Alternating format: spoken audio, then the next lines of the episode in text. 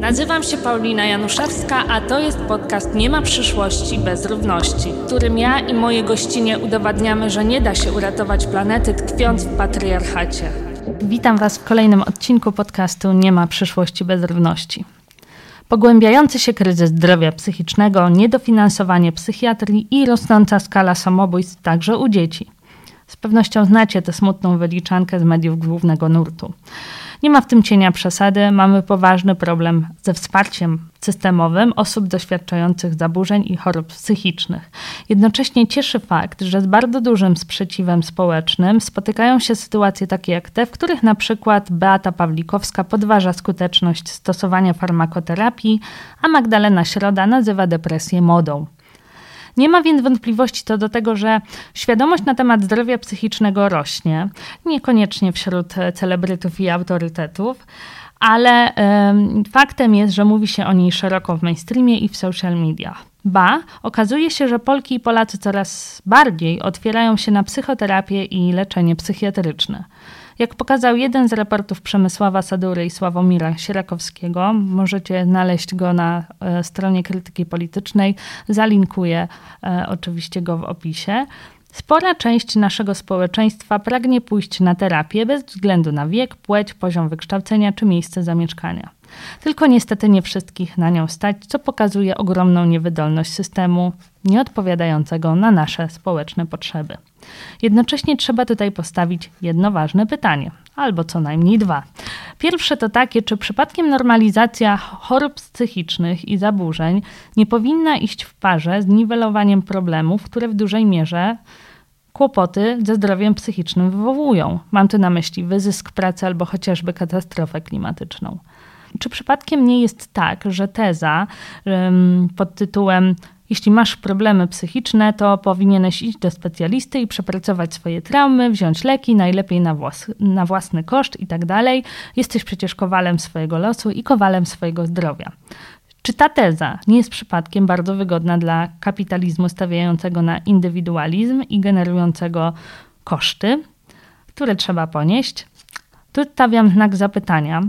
Dodam jeszcze, że Andrzej Leder, który skomentował e, raport e, Sierakowskiego i Sadury, uważa, że rozpad dotychczasowych nośników wspólnoty w Polsce, przykład Kościoła, przynosi wycofanie się do często nawet skrajnego indywidualizmu. I właśnie tak rozumie e, dowartościowanie roli psychiatrii i psychoterapii w Polsce. Andrzej Leder twierdzi, że respondenci badania Sierakowskiego i Sadury po prostu o pomocy myślą jako o pomocy pojedynczej osobie i w pewnym sensie ponownie widzimy tu skuteczność lekcji neoliberalnej a lekcja neoliberalna połączona z kapitalizmem niespecjalnie lubi inwestować w działania kolektywne, a także w usługi publiczne zakładające coś więcej niż doraźne reagowanie na kryzysy. Ba, coraz popularniejszej dyskusji na temat neuroróżnorodności z kolei też ciężko od tego uciec. Opowieści o spektrum autyzmu, ADHD czy wysokiej wrażliwości sprzedają się pod warunkiem, że otoczymy je aurą wyjątkowości. Takiej wyjątkowości, która odpowiednio dostrzeżona może nam dać e, wszystkim, przynieść jakąś korzyść.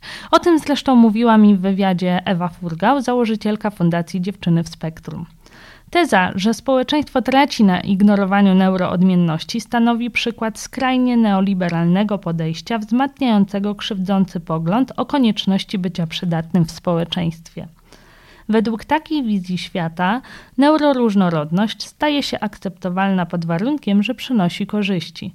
Tymczasem powinniśmy raczej przypominać, że wszyscy mamy tę samą godność, niezależnie od swojej produktywności. A co wtedy, gdy nie neuroodmienność, a choroba psychiczna jest tak silna, że nie możesz pracować. Jak żyć z przewlekłym schorzeniem, którego specyfika wymyka się poznaniu zdrowym osobom? I co zrobić wtedy, gdy choroba psychiczna sprawia, że lądujesz na ulicy? I czy szpital w tym wszystkim jest odpowiedzią? Albo czy jest jedyną odpowiedzią? Wiele z tych pytań zadałam Annie Kiedrzynek, dziennikarce, reporterce, która kwestiom zdrowia psychicznego przygląda się od dłuższego czasu, a niedawno napisała świetną książkę pod tytułem Choroba idzie ze mną o psychiatrii poza szpitalem. Wywiad e, mój i Anny znajdziecie na łamach krytyki politycznej, ale w tej rozmowie poczułyśmy, że nie wyczerpałyśmy wszystkiego. Po to, bo psychiatria i w ogóle temat zdrowia psychicznego oraz jego konsekwencje społeczne jest bardzo szeroki. Postanowiłyśmy zatem rozwinąć wszystkie te myśli, które umknęły nam Nazywam się Paulina Januszewska, a to jest podcast Nie ma przyszłości bez równości, w którym ja i moje gościnie udowadniamy, że nie da się uratować planety tkwiąc w patriarchacie. Anna jest ze mną w studiu. Rozmawiałyśmy ostatnio na wszystkie te tematy, o których wspomniałam wcześniej w naszym wywiadzie i bardzo Was zachęcam do lektury. Dzisiaj poruszymy nieco inne e, tematy, e, bardziej umieszczone w kontekście społecznym. E, bardzo się cieszę, że jesteś ze mną w studiu. Cześć. Cześć, też się cieszę. To zacznę od pytania, y, które w zasadzie w pewnym sensie zadaje też y, Susan Sontag w swoich y, esejach. Myśląc o chorobach jako o metaforach, ale też o, o, tym, jak one opisują rzeczywistość, jakimi mogą być symbolami, myślę sobie właśnie o chorobach psychicznych, które dzisiaj też mogą nam e, e, coś mówić zupełnie innego niż, niż być może 50 czy 100 lat temu. Warto się nad tym pochylać. E, I to pytanie, które chcę Ci zadać, brzmi: czy granica pomiędzy zdrowymi a chorymi, tak często wytyczana systemowo na różnych poziomach przeszłości, dziś się już zaciera? E, tak i nie. E, tak, dlatego że e, no, pewnie sama to zauważyłaś, że o zdrowiu psychicznym, ale też i odstępstwach od tego zdrowia, tak? czyli, czyli wszelkich zaburzeniach i chorobach mówi się teraz coraz więcej. Więc jakaś część tego zjawiska związanego z chorobami, z zaburzeniami, jakby jest trochę tak wyciągana na światło dzienne. E, ja mam takie wrażenie, że to jest nadal niewielka część, e, natomiast ona już jest dobrze, że tak powiem, oświetlona. Ona rzeczywiście jakby e, jest takim może pomostem między, między właśnie tymi dwoma światami. Czyli mam tu na myśli takie historie pod tytułem Każdy może zachorować. Depresja może dotknąć każdego. Zaburzenia odżywiania mogą dotknąć Twoje dziecko. I to są takie narracje, które się wybijają w mediach głównego nurtu. Mm, I one rzeczywiście tworzą takie, takie wrażenie, że, że te światy się zacierają, ponieważ każdy e, może w każdym momencie tak naprawdę z tego świata zdrowych przenieść się do, do świata chorych i że ta granica jest bardzo cienka. E, natomiast, no i to jest ta jasno oświetlona część e, tej problematyki, a ta, która jakby pozostaje ciągle w takim głębokim, powiedziałabym, cieniu, to są choroby, na które nie zapadnie każdy. Znaczy, nie, na które nie może zapaść każdy, ponieważ mam tu na myśli innymi schizofrenię, na którą cierpi 1% społeczeństwa. To nie jest dużo. Mm, mam tu na myśli chorobę afektywną dwubiegunową, która y, teraz już konkretnie nie pamiętam, ale wydaje mi się, że ona w Polsce dotyka um, około 700 tysięcy osób. To jest niby sporo, natomiast też jakby ten, ten wskaźnik się utrzymuje mniej więcej na podobnym poziomie od lat. Um, my nie wiemy, co te choroby powoduje. Na pewno jest tam jakiś komponent genetyczny nie do końca zbadany, ale też komponent środowiskowy. E, natomiast w każdej populacji mniej więcej choruje podobna, podobna liczba, liczba ludzi, mm, czy odsetek ludzi. I te choroby, e, czyli takie poważne zaburzenia, tak byśmy to nazwali, przewlekłe, e, one ciągle, mam wrażenie, pozostają w cieniu, ponieważ one potrafią w dużym stopniu zdezorganizować człowiekowi życie. I to jest ta część o której się nie mówi, która jest właśnie taka trochę. Mm, ja, ja, sama, jakby dla mnie samej było zaskoczeniem, ja, jak bardzo potrafi choroba wpłynąć w ogóle na całościowe funkcjonowanie człowieka. Um, I y, są też takie zaburzenia, które mm, gdzieś tam w ogóle nie mają swojego miejsca, jakby w, tej, w tym oświetlonym, oświetlonym polu, e, czyli na przykład zaburzenia obsesyjno-kompulsywne mm, które są w zasadzie nieznane. My mamy jakiś obraz, nie wiem, chyba ciągle utrzymujący się obraz Dnia Świra, e, i Marka Konrada, e, który powtarza te swoje rytuały, żeby, żeby jakoś przetrwać dzień e, tego biednego intelektualisty. Natomiast na tym się nasza wiedza kończy. I jeżeli kogoś to nie dotknęło albo nie dotknęło kogoś z rodziny, no to y, wiedza na ten temat jest moim zdaniem znikoma, więc to jest nadal pogrążone w takim głębokim cieniu. Mhm. A jak wygląda ta izolacja? Czy to jest tylko kwestia murów szpitala, czy czegoś jeszcze? Hmm. To jest kwestia, myślę, izolowanie się y, osób, które dotknęła y, taka choroba. E, myślę, że wynika z kilku czynników. Po pierwsze, wstydu. E, czyli trudno jest jakby wyjść e, na jakąś arenę społeczną, na przykład w pracy i powiedzieć: Słuchaj, mogę być mniej wydajny, mogę potrzebować więcej zwolnień lekarskich, ponieważ od czasu do czasu miewam stany maniakalne albo stany depresyjne. To nie jest coś, co ludziom łatwo przechodzi przez gardło. E, więc przez sam ten fakt tego wstydu. E, człowiek jakby trochę mm, traci, nie wiem, umiejętność czy zdolność do takiego opowiadania jakby swojej historii choroby. Komuś, nie wiem, poza lekarzem, poza psychiatrą, poza terapeutą, jeżeli ma takiego terapeutę. I przez to ja myślę, że e, jeżeli choroba e, w jakimś stopniu dezorganizuje życie i, i w jakiś sposób, nie wiem, je kształtuje nawet, Mm, I nie ma komu o tym opowiedzieć, nie ma jak o tym opowiedzieć, bo ten wstyd po prostu aż blokuje gardło. E, no to jeżeli ja muszę ukrywać e, tak ogromną część mojego życia, no to ja nie będę z tym nigdzie, nigdzie wychodzić. To lepiej jak zostanę w domu, lepiej jak nie będę się pakował w żadne sytuacje społeczne, lepiej jak nie będę szukał lepszej pracy albo w ogóle pracy czasami.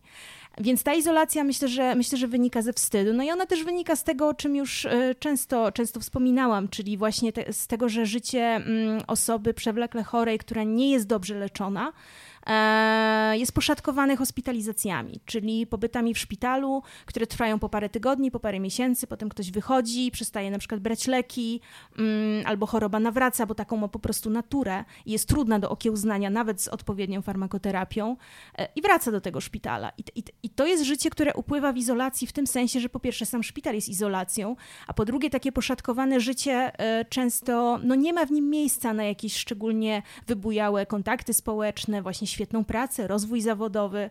Mm, no więc tak, więc myślę, że to, to są te dwie rzeczy, które przesądzają o tej, e, o tej izolacji. A czy terapia środowiskowa, opieka psychiatryczna środowiskowa, o której w dużej mierze y, opowiada Twoja książka Choroba idzie ze mną. Czy to jest y, jedyny pomost, który sprawia, że osoba na przykład chorująca na schizofrenię może się włączyć do tego społeczeństwa? Czy tam powinno być y, coś jeszcze? Wiesz, żyjemy w kraju, gdzie y, psychiatria środowiskowa jak na razie nie znalazła podatnego gruntu. E, czyli prowadzony jest pilotaż reformy, który trwa już od pięciu lat, ale, ale ciągle nie jest to rozszerzane, ciągle nie jest to e, odpowiednio dofinansowane. E, więc ja myślę, że psychiatria środowiskowa to jest taka podstawa, od której my w ogóle musimy zacząć, a dopiero potem zastanawiać się, czy coś jeszcze dodatkowo, dodatkowo się nada. Ja myślę tutaj, że działalność wszelkich organizacji, a znam kilka takich w Polsce, które bardzo stawiają na integrację e, osób chorujących e, z osobami zdrowymi.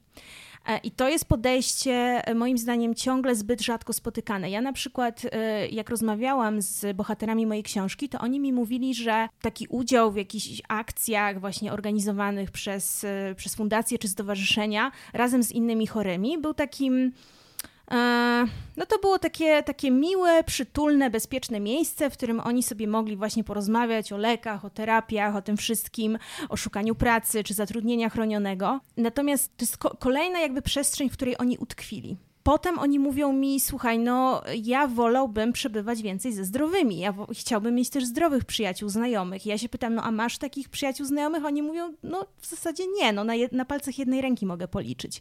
Więc ja myślę, że psychiatria środowiskowa to jedno, um, a drugie to no, takie wyjście tych osób z diagnozą y, do świata zdrowych, ale też otwarcie się tego świata zdrowych na to, że ja na przykład mogę mieć koleżankę ze schizofrenią, czy mogę mieć koleżankę z chorobą afektywną dwubiegunową. My czasami mamy te koleżanki, tylko nawet o tym nie wiemy, że one chorują, a tu z kolei się pojawia kwestia wstydu, więc widzisz, ile tu się nakłada jakby różnych, różnych rzeczy na siebie, ale myślę, że tak, że żadne systemowe zmiany odgórne nie zastąpią takiego otwarcia się nas zdrowych na świat ludzi chorujących. Czyli to jest znowu ta opowieść o empatii, tak naprawdę, e, jakiejś, której rzeczywiście nam brakuje i która gdzieś się zamyka na wiele innych e, problemów, ale jednak myślę sobie o tym, że mm, wykluczanie mm, osób chorujących jest w pewnym sensie sprawianiem, że to społeczeństwo nie będzie funkcjonowało dobrze. I my też często nie mamy świadomości, jak bardzo to może na nas wpływać, że pogłębianie się nierówności właśnie poprzez e, wykluczanie chorób, osób chorujących, e, to to droga do e, jakiejś katastrofy nas wszystkich. Jakie w zasadzie możesz tutaj wymienić jednak, nie chcę mówić tym językiem korzyści i strat, ale, ale jednak muszę. Jakie możesz tutaj te straty wymienić, które oddziałują na, całe, na całe społeczeństwo, na wszystkich obywateli i obywatelki?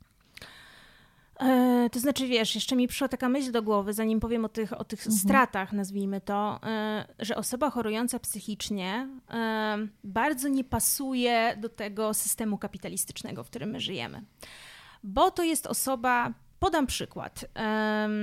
Bardzo wiele, bardzo wielu moich rozmówców, na przykład właśnie z diagnozą schizofrenii, to były osoby dość ciche, wycofane, takie trochę marzycielskie, które odnajdywały też swoje pasje w takich aktywnościach zupełnie niedochodowych, mm, zupełnie nie mających szans na tak zwaną monetyzację, czyli w pisaniu wierszy, w pisaniu piosenek, w jakiejś twórczości, w pisaniu, nie wiem, bajek, opowiadań malowaniu. Takie, mm, no, to jest cecha tej choroby, o której już pisał y, Antoni Kępiński, czyli takie wycofanie się w swój własny świat. Mm, to jest jedna rzecz. Druga rzecz e, to też myślę, że była taka cecha, nie chcę tu za bardzo uogólniać, ale wielu moich rozmówców mm, ma bardzo niską, miało bardzo niską podatność na stres. I to jest kolejna rzecz, która, o której można by powiedzieć, że jest w cudzysłowie nienormalna, e, tylko że tak naprawdę biorąc pod uwagę, nie wiem, rynek pracy, na jakim funkcjonujemy, albo w ogóle szerzej świat, w którym żyjemy, to tak naprawdę my wszyscy mamy niską podatność na stres i, i ci, którzy to wytrzymują, to, to raczej bym ich dała może do kategorii nie nienormalnych, no ale wyjątkowych.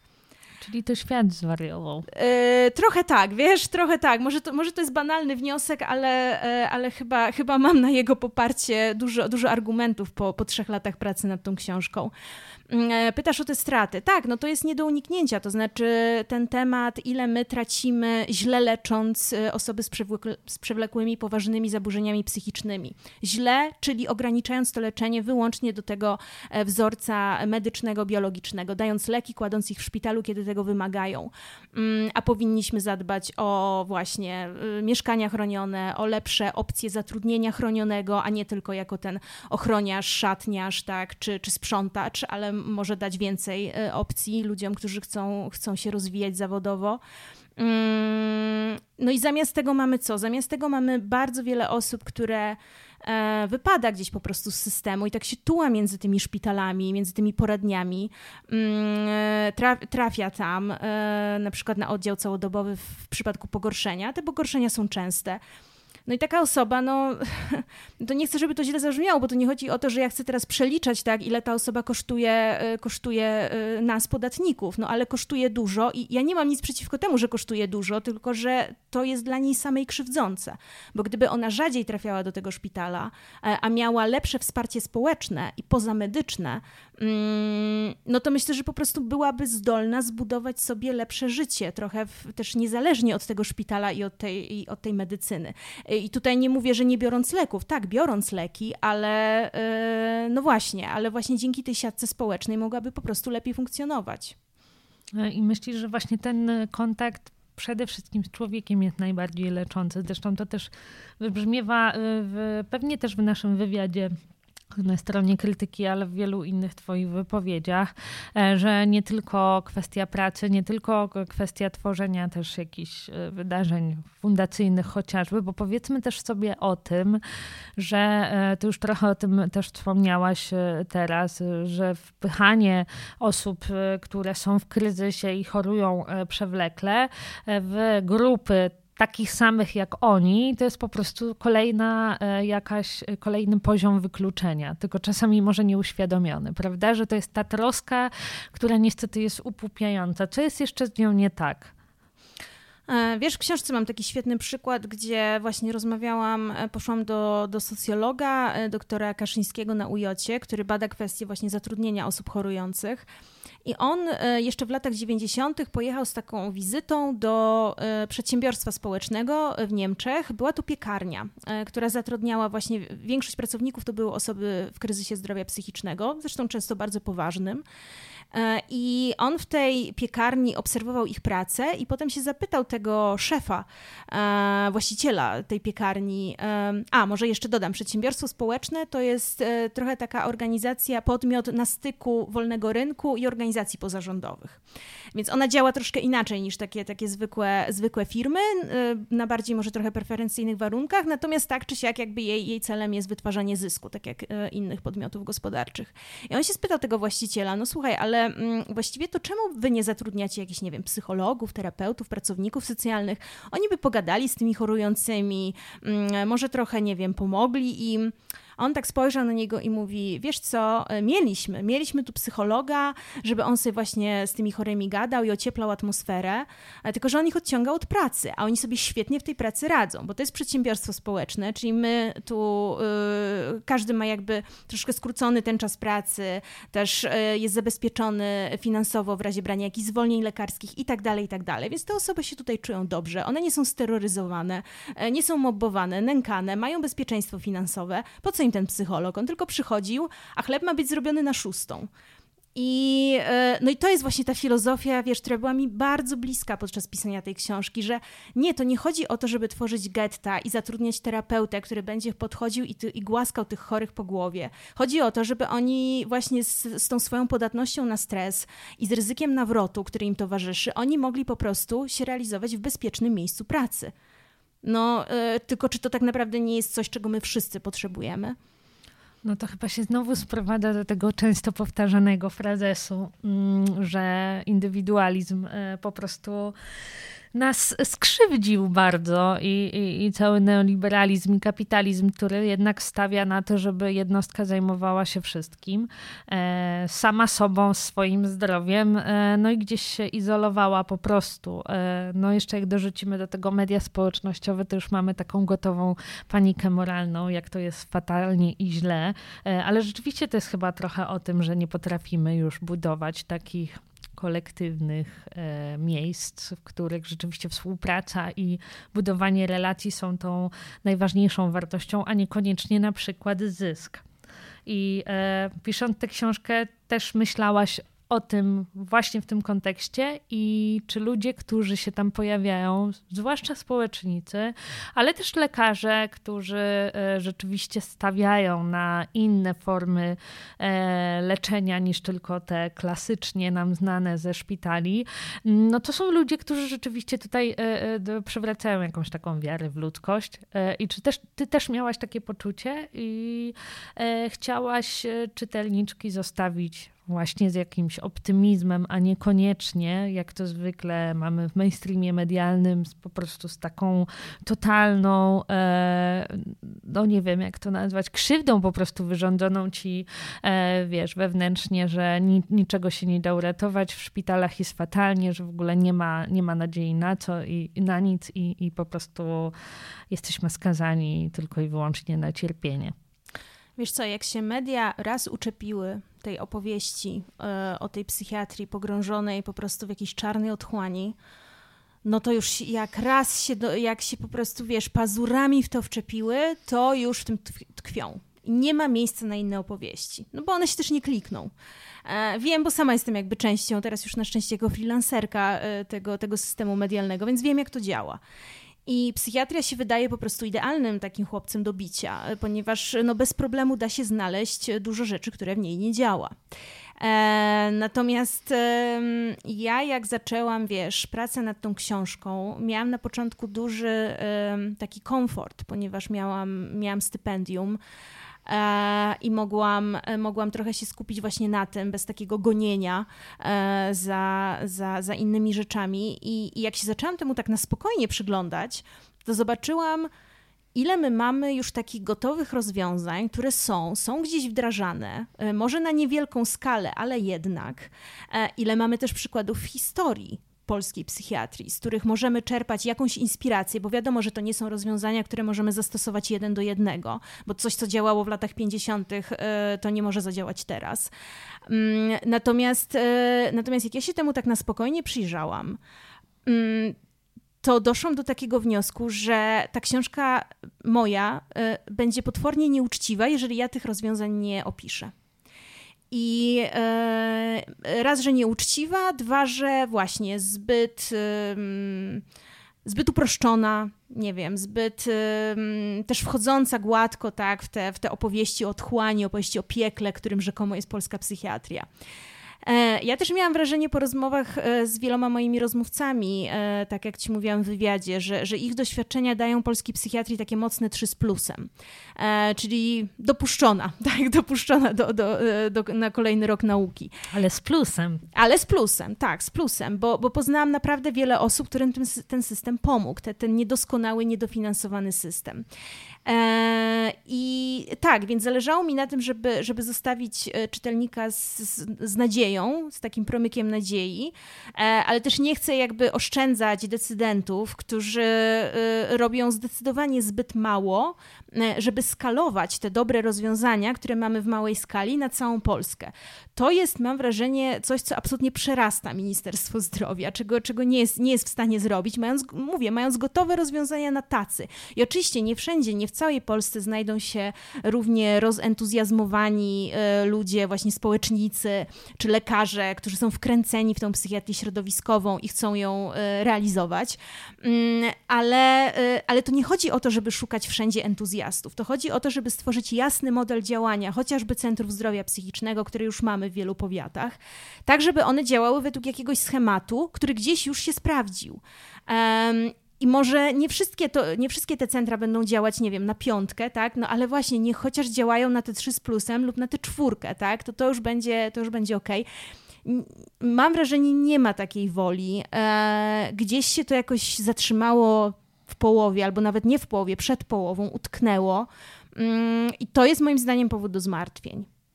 No to cofnijmy się w przeszłość i, i e, pokażmy może nie rozwiązanie z lat 50., ale, ale rozwiązanie z lat 80., e, o którym e, piszesz. czyli mam na myśli również realizację psychiatrii środowiskowej poprzez hospitalizację domową. na czym to polegało, kto za to odpowiadał i czemu tego już nie ma? Hmm. Tak, to był zespół hospitalizacji domowej, to, był, to była taka formuła e, stosowana w szpitalu brudnowskim w Warszawie, e, która miała polegać na tym, żeby jak najdłużej utrzymywać e, ciężko chorujących pacjentów poza szpitalem. E, I to był autorski pomysł ówczesnego ordynatora e, tego, tego oddziału, i jemu udało się jakby zwerbować do, do tego zespołu takich młodych, rzutkich, e, entuzjastycznie nastawionych do tego rozwiązania lekarzy, w tym m.in. profesor Katarzynę Protklinger, która właśnie mi opowiedziała o tym, jak to działało. I to działało w ten sposób, że lekarz nie był przykuty do łóżka, tak zwanego, czy nie był przykuty do swojego gabinetu, czy do dyżurki lekarskiej, tylko wychodził z tego szpitala i, e, i chodził na wizyty domowe do pacjentów. I te wizyty domowe nie polegały na tym, że on przychodził, sprawdzał, czy są brane leki, mierzył temperaturę i wychodził, tylko to były wizyty, które miały na celu zbudować też więź trochę między tym lekarzem a, a pacjentem, ale przede wszystkim uświadomić temu personelowi medycznemu, w jakich warunkach ten pacjent żyje i jakby na jakiej w jakiej scenografii się rozgrywa ta jego choroba. Ponieważ choro- diagnoza diagnozą, ale psychiatria zahacza bardzo mocno o pozamedyczne dziedziny i też wynik leczenia e, bardzo często jest zależny od bardzo wielu czynników, niekoniecznie medycznych. I ci lekarze, chodząc e, do domów e, swoich pacjentów, mogli się po prostu przyjrzeć, w jaki sposób można lub właśnie nie można zrealizować planu leczenia. I profesor Protklinger opowiadała mi właśnie o tym, jak e, chodziła do jednej pacjentki, która mm, chorowała na schizofrenię paranoidalną, e, żyła w tragicznych warunkach, znaczy w takim bardzo biednym, zagraconym mieszkanku, miała męża alkoholika I ta kobieta od razu wyrzucała, okazało się, tabletki do kosza po tym, jak była wypisywana ze szpitala. Więc e, to właśnie, e, to właśnie profesor mi powiedziała, że ona tak cyzelowała te dawki, tak się starała je dopasować, jak ten pacjent jeszcze był na oddziale, żeby on taką idealną dostał dawkę tego leku. No po czym po prostu wyrzucał te leki, tak? E, I to, to z wielu powodów. No jedną z teorii, dlaczego mm, osoby w kryzysie psychotycznym to robią, jest taka, że one po prostu w swoich urojeniach znajdują takie bezpieczne miejsce, schronienie, bo jeżeli świat na zewnątrz, w tym przypadku bieda, mąż alkoholik są nie do zniesienia, no to, e, no to urojenia po prostu są, są schronieniem. I zrozumienie tego, zobaczenie tego wszystkiego poza szpitalem, ale też budowanie takiej relacji opartej na zaufaniu z tymi pacjentami powodowało, że dzięki temu zespołowi aż 15 osób udawało się utrzymać poza szpitalem. To znaczy one właśnie nie trafiały w ten tak zwany mechanizm drzwi obrotowych, polegający na tym, że osoba właśnie e, trafia do tego szpitala co kilka tygodni, miesięcy i jej życie jest takie poszatkowane tymi pobytami w szpitalu. I cel był taki, żeby tego uniknąć, ale też, żeby poprawić funkcjonowanie tych pacjentów. I to nie w każdym przypadku oznaczało redukcję objawów, ponieważ u tej pani, o której opowiadałam, tych objawów się de facto nie dało zredukować, no bo nie można jej było zmusić do brania leków, a ona nie chciała tego robić. Ale właśnie mm, profesor zauważyła, że y, ta więź, która się nawiązała pomiędzy tą pacjentką a resztą tego zespołu, powodowała, że ona po prostu sobie na co dzień radziła. Ona po prostu jakoś funkcjonowała. No może to nie było jakieś super funkcjonowanie, ale było na tyle dobre, e, żeby można się było o nią nie martwić tak na co dzień. I, e, no i dlaczego zespół przestał funkcjonować? No przestał funkcjonować dlatego, że e, nadeszła transformacja. Kilka lat później mm, mieliśmy wielką reformę systemu opieki zdrowotnej, wprowadzającą rynek wewnętrzny i e, ważna stała się rentowność, e, a taki zespół hospitalizacji domowej, no cóż, nakłady duże, a, e, a rentowność no słaba, słaba. Mało tego, ten lekarz jest wyciągany ze szpitala, musi łazić po jakichś mieszkaniach. No Jezu, przecież to marnowanie zasobu ludzkiego, tak? E, więc wszystko to weszło w taki właśnie mocno, mocno neoliberalny paradygmat e, i takie eksperymenty, no po prostu już nie, nie było miejsca, tak? W polskim systemie na, na takie innowacje. Dobrze, to chyba sprowadzamy się do tej myśli, w której być może trzeba chorym pozwolić chorować. To znaczy, e, by, bywa tak, że stawiając na farmakoterapię i inne metody leczenia, uznajemy, że skoro chory dostanie pomoc, albo jak zainwestujemy w ogóle w psychiatrię i szpitale będą super wyposażone, e, to wtedy choroby znikną. Chorzy przestaną być chorzy i e, będą znów cudzysłów normalni, będą sobie radzić w tym społeczeństwie. Tymczasem e, chyba nie tędy droga i czasem może też być tak, że ludzie, którzy chorują i nawet mają epizody psychotyczne, mogą sobie dobrze radzić w życiu i jakoś tam funkcjonować, a nawet, nie wiem, być może być usatysfakcjonowanymi ze swojego życia. Dlatego o tym mówię, że myślę trochę o twojej sąsiadce, pani Wiesi, która można, oczywiście tutaj podkreślam, że imię jest zmienione, która mm, jest bardzo ciekawym przypadkiem w tej książce i wydaje mi się też y, dużą inspiracją dla ciebie, jeśli chodzi o, o zajęcie się tematem. Czy mogłabyś o niej y, trochę opowiedzieć i pozwolić słuchaczkom E, ją poznać bliżej. Tak, mogłabym, chociaż od razu zastrzegę, że ja nie jestem przeciwniczką farmakoterapii. bardzo, bardzo chcę to podkreślić i też chyba większość moich rozmówców, która leki bierze i ma je dobrze dobrane, funkcjonuje dzięki nim świetnie i też nie wyobraża sobie, żeby tych leków nie brać, bo wtedy skończyłoby się to nawrotem. To takie tylko zastrzeżenie, żeby się tutaj ktoś nie odezwał, że jestem antypsychiatryczna. Nie jestem, absolutnie. Natomiast e, jeśli chodzi o to prawo do chorowania, no tak, przed tym, przed tym przykładem trochę y, postawiło mnie samo życie, bo faktycznie od kiedy się wprowadziłam do mieszkania na warszawskiej Ochocie, y, tam mam sąsiadkę, która, mm, o której wiemy z, od pracownicy Ośrodka Pomocy Społecznej, że jest właśnie osobą chorującą na schizofrenię paranoidalną od lat, chyba od 30 lat. E, to by się zgadzało, bo ma ponad 60, no to jeżeli zachorowała w okolicach 30, no to rzeczywiście to jest ten wiek, w którym, w którym ta choroba się ujawnia, często wcześniej też. I pani Wiesława y, jest osobą, która bardzo uporczywie odmawia jakiejkolwiek formy pomocy czy leczenia. Znaczy może pomocy nie, ponieważ y, wpuszcza y, psychologa, który przychodzi z tego OPS-u, natomiast ona odmawia leczenia, odmawia pobytu w szpitalu, nie chce brać leków, nie chce chodzić do psychiatry. I był taki moment, kiedy ona miała pogorszenie i zachowywała się bardzo, bardzo hałaśliwie. E, też no raz zachowała się też, też w zasadzie agresywnie, chociaż tutaj trudno mówić o agresji, kiedy mówimy o drobnej 60-latce.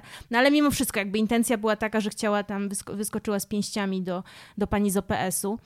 I kiedy ona miała to pogorszenie, my jako jej sąsiedzi próbowaliśmy interweniować. Wzywaliśmy policję, wzywaliśmy pogotowie, mm, pisaliśmy wnioski, zwracaliśmy się właśnie do ośrodka pomocy społecznej. E, to się wszystko rozmyło, ponieważ e, jak się okazało, właśnie system, ów mityczny system e, pozostaje trochę bezradny wobec takich, takich przypadków. Mm, I dopóki, to jest, i to jest okrutna i straszna prawda, że dopóki nie stanie się coś strasznego, to niewiele można zrobić. Tylko, że ta sytuacja. Mm, Właśnie, tutaj nie ma takiego twistu, którego może by, yy, może by się dobrze sprzedał w tabloidzie, czyli biedna pani sąsiadka, której się nie dało pomóc, ponieważ ten system jest taki bezradny albo taki nieczuły, yy, wyskakuje, nie wiem, z okna albo yy, morduje, nie wiem, małego pieska, tak, czy, czy rzuca się z pięściami i kogoś zrzuca ze schodów. No nie, tutaj twist jest taki, że ona sama doszła do równowagi. Nikt nie wie czemu, leków dalej nie bierze, ale po prostu w pewnym momencie się uspokoiła. Funkcjonuje całkiem nieźle, trochę sobie czasem pokrzyczy, czasem nas przez ścianę powyzywa, ale kiedy już się spotykamy na korytarzu na klatce schodowej, to jest bardzo miła, mówi dzień dobry, przepraszam, dziękuję, nawet zagaduje, można z nią smoltoki uprawiać, więc um, my już się też trochę pogodziliśmy z takimi jej dziwactwami codziennymi. E, dopóki to nie eskaluje, no to jakby też to było dla mnie takie odkrycie, że e, no dopóki to nie eskaluje, to ja nie, jakby nie mam nic przeciwko temu, żeby ona sobie była dziwna. I, e, I to jest taki przypadek, który, który trochę mnie, mnie fascynuje, no bo ja jednak um, dużą część mojej książki opieram też na rozmowach e, z lekarzami, z terapeutami i, i ja jestem bardzo prolekowa. E, I nie uważam, że leczenie schizofrenii to jest spisek Big Farmy. E, więc tym bardziej pani Wiesia jest dla mnie taką lekcją pokazującą, że w nielicznych, no bo jednak nielicznych i to wiemy ze statystyk i z badań, ale w nielicznych przypadkach może jednak da się bez tych leków funkcjonować. I to, I to nie jest może wtedy jakieś życie nie wiadomo jakie, no bo ona ma skromną rentę i, i z tego co widzę nie ma, nie ma telewizora, nie ma radia, e, maluje sobie coś po ścianach, e, ale chyba jej to wystarczy. I czy ja mam prawo w to ingerować, czy ja mam prawo wzywać służby, robić jakieś cyrki, dopóki ona właśnie nie robi sobie, nie, nie zagraża samej sobie. No bo też chyba zależy, kto patrzy na chorego albo niechorego i kto o tym decyduje. I oczywiście mamy standardy jak najbardziej psychiatryczne, klasyfikacje, które są absolutnie ważne i tutaj też jakby nie, ja nie uprawiam żadnej antypsychiatrii, ale też e, czasami musi przyjść taka refleksja, że to też się zmienia w czasie, że czasami e, pewne zasady też ustalają ludzie na przykład z uprzedzeniami. To jest też chyba widoczne e, w kwestii neurobioróżnorodności, e, która chociażby pod względem, nie wiem, spektrum e, autyzmu czy ADHD była bardzo mm, seksistowska po prostu i rzeczywiście nie diagnozowano kobiet, a przynajmniej nie w taki sposób, jak powinny być diagnozowane i stąd bierze się nasze przeświadczenie, że ADHD mają roz rozbiegani, szaleni, e, mali chłopcy e, zwykle, więc, e, więc rzeczywiście tutaj jest wiele takich kwestii, a poza tym też jakieś takie wychowanie, socjalizacja też mają wpływ na to, jak znosi się pewne objawy, więc myślę, że tutaj jest dużo takich znaków zapytania, ale też pewne kryzysy, które przychodzą, mogą sprawić, wraz e, z chorobą, którą, e, na którą ktoś cierpi, że mm, na przykład e, dochodzi się już do takiej ściany, że trzeba pęknąć po prostu i nie ma innego wyjścia, i wtedy walić się świat, i na przykład lądujesz na ulicy. I to jest ten związek, o którym chciałabym z Tobą porozmawiać związek choroby psychicznej z bezdomnością, bardzo pomijany, a bardzo interesujący i też Twojej książce e, pojawiający się właściwie w ostatniej chwili, bo, e, bo nie planowałaś włączyć go e, początkowo i, i nie miałaś takich planów, a okazało się, że to jednak jest też bardzo ważny aspekt rozmowy o chorobach i kryzysach psychicznych. Dlaczego?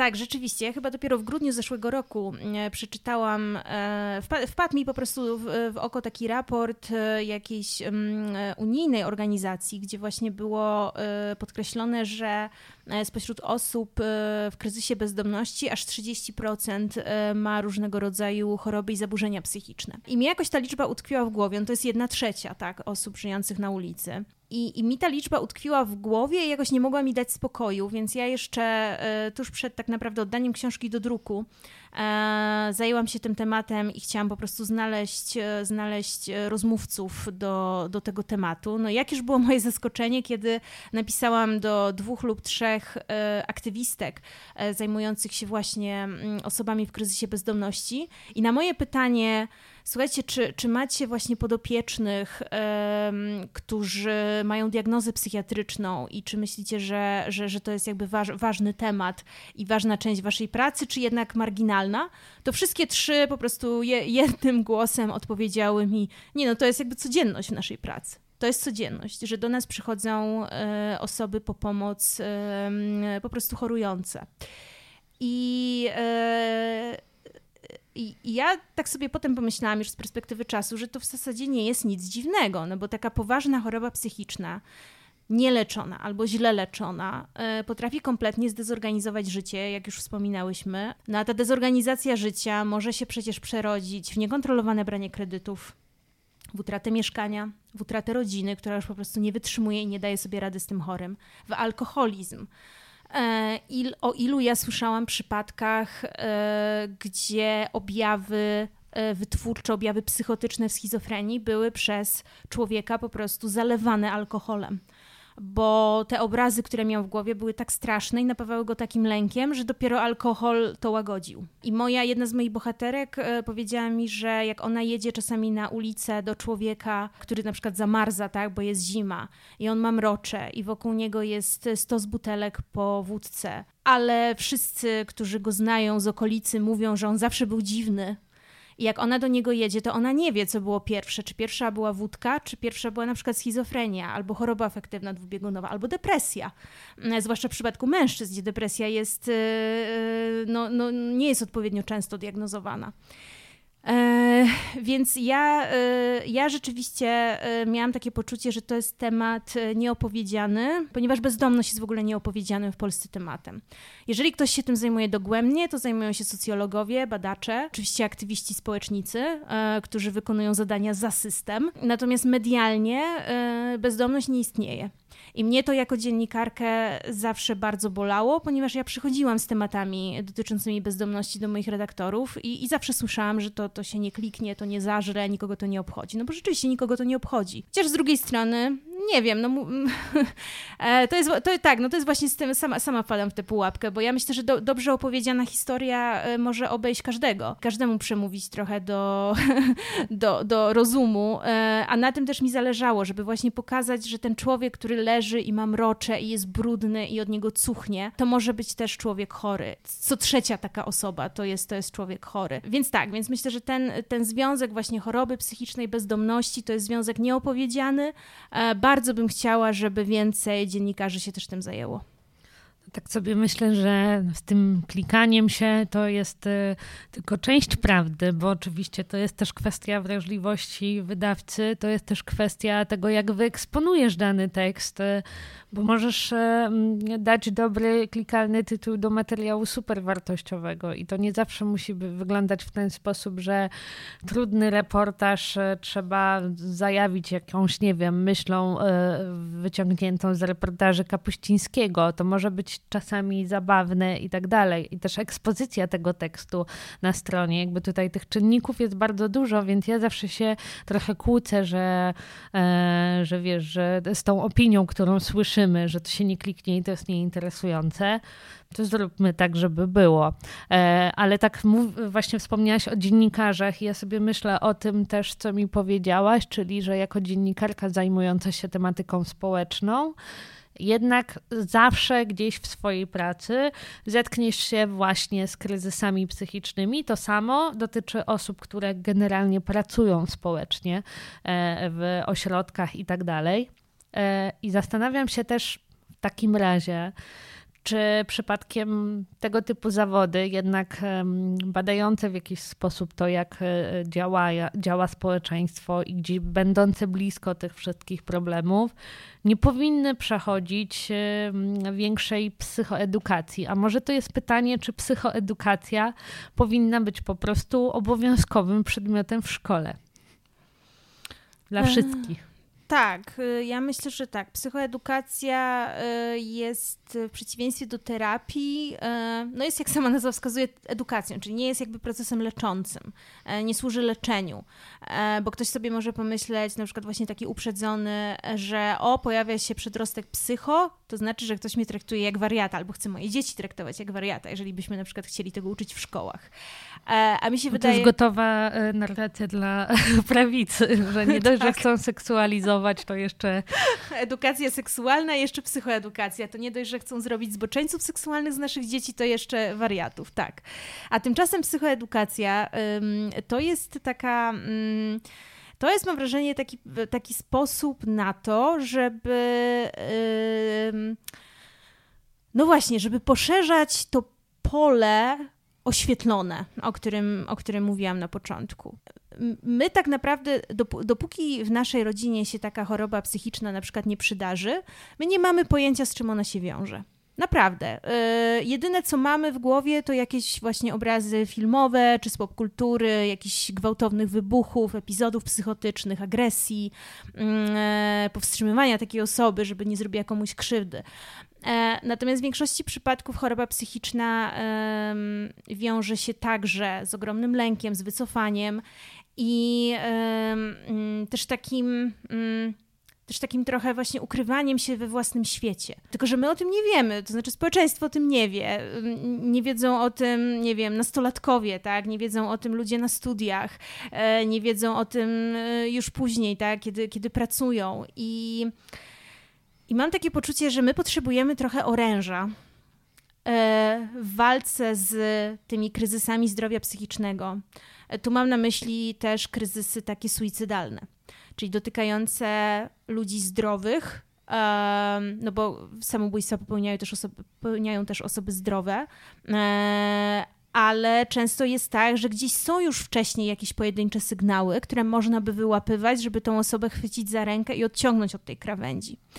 E, ja nie chcę tutaj mówić, że to jest, e, że to jest jakaś nasza, nasza odpowiedzialność i właśnie zrzucać tego na, na pojedyncze osoby, mm, ale myślę, że każdemu z nas by się przydała taka wiedza, żeby nie polegać wyłącznie na tej psychiatrii, która jest już takim trochę, taką trochę ostatecznością powinna być, zwłaszcza szpital. Mm, natomiast jest mnóstwo rzeczy, które my możemy zrobić, zanim ten kryzys się jakby na dobre rozkręci. I psychoedukacja jest takim, e, wydaje mi się, no, taką bronią, którą możemy, którą możemy właśnie walczyć z, z kryzysami psychicznymi. Nie jest to nie jest to może e, oręże, które się nadaje na sytuację, kiedy już faktycznie ten kryzys jest bardzo głęboki i potrzebna jest pomoc specjalisty i farmakoterapia, e, ale psychoedukacja jest częścią profilaktyki, a profilaktyka mam wrażenie jest bardzo niemodna, jeśli chodzi o tematykę zdrowia psychicznego.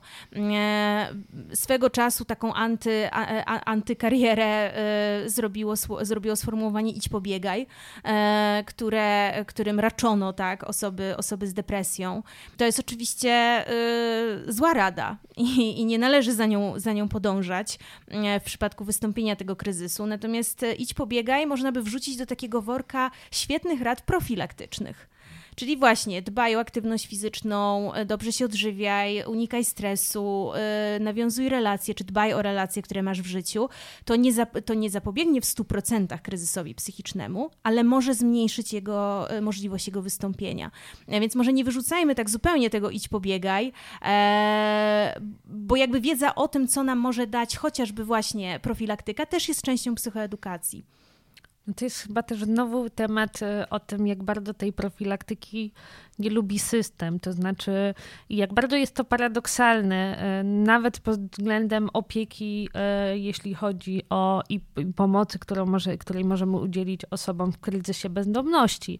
Bo też wspominałaś mi, że mm, już tak też pa patrząc tutaj e, i licząc językiem ekonomii, to dużo więcej kosztuje nas leczenie na przykład osoby, której coś się stało na ulicy, albo osoby, która ląduje w szpitalu e, psychiatrycznym, niż e, właśnie działania profilaktyczne, czy w ogóle wcześniejsze leczenie.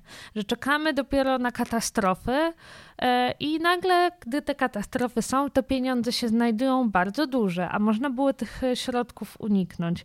I masz wrażenie, że mm, to myślenie ma szansę jakkolwiek się zmienić e, właśnie w tym świecie politycznym? Czy to już jest e, taki poziom wyobraźni, którego mm, nie da się przeskoczyć?